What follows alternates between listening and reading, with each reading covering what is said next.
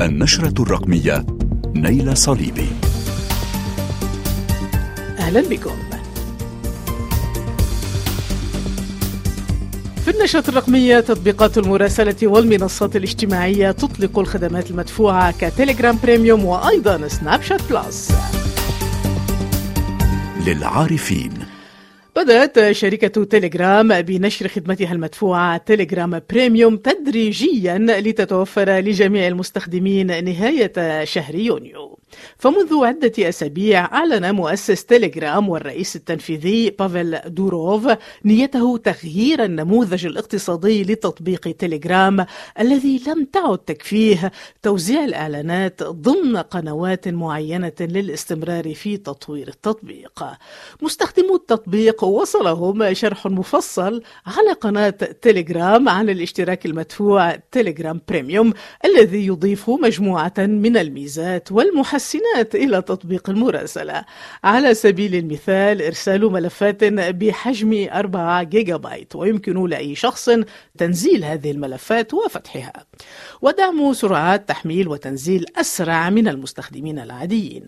وإتاحة مساحة أكبر لكتابة السيرة الذاتية ال bio ومن الممكن تضمين رابط في ال bio كذلك يقترح تليجرام Premium تحويل الرسائل الصوتية إلى نص مكتوب.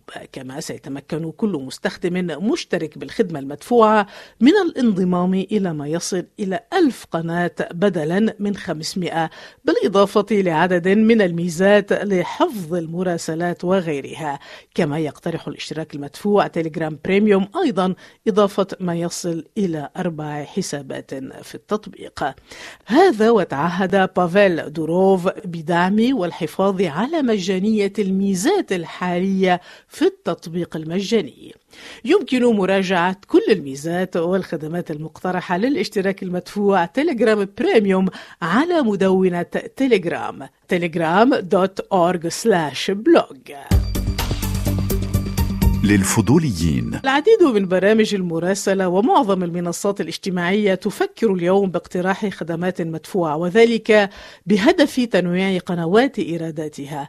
وهذه القرارات تعود جزئيا إلى ميزة ال App Tracking Transparency لشركة أبل التي تمنح مستخدمي أجهزة أبل اختيار ما إذا كانوا يريدون مشاركة بياناتهم مع التطبيقات لاستهدافهم بالإعلانات. مما قلل من إيرادات المحتوى المدفوع وكانت السبب بخفض الإيرادات الإعلانية لكثير من التطبيقات كتليجرام والمنصات الاجتماعية كفيسبوك وسناب شات.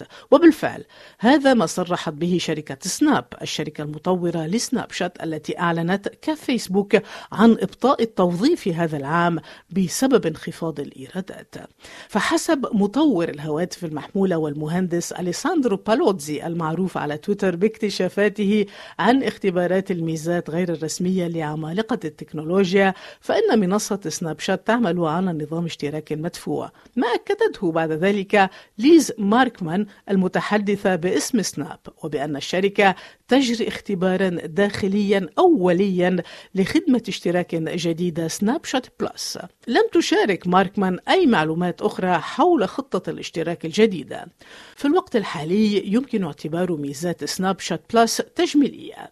إذ تتيح حسب ما كشف عنه أليساندرو بالوتزي في النسخة المبكرة عن إمكانية الوصول إلى أيقونات سناب شات الحصرية وشارة جديدة للملف الشخصي تظهر أن المستخدم مشترك في الخدمة المدفوعة ويمكنه الاطلاع على بيانات جديدة بما في ذلك القدرة على رؤية سجل مواقع أصدقائه وتثبيت مستخدم في التطبيق على أنه أفضل صديق له number 1 best friend بالإضافة لمعلومات حول من أعاد مشاهدة قصته.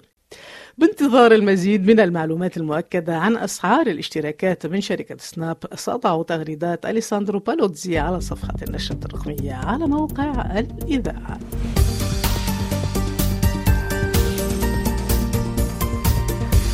إلى هنا تنتهي النشرة الرقمية. نلتقي ظهرا عند الواحدة والثلث بتوقيت باريس. يمكنكم الاستماع لبودكاست النشرة الرقمية على مختلف منصات البودكاست. للتواصل مع النشرة الرقمية عبر منصة لينكد إن وعلى تويتر at صليبي وعلى صفحة النشرة الرقمية على موقع مونتي كارلو الدولية dash دولية dot com. إلى اللقاء مع تحيات نايلة الصليبي.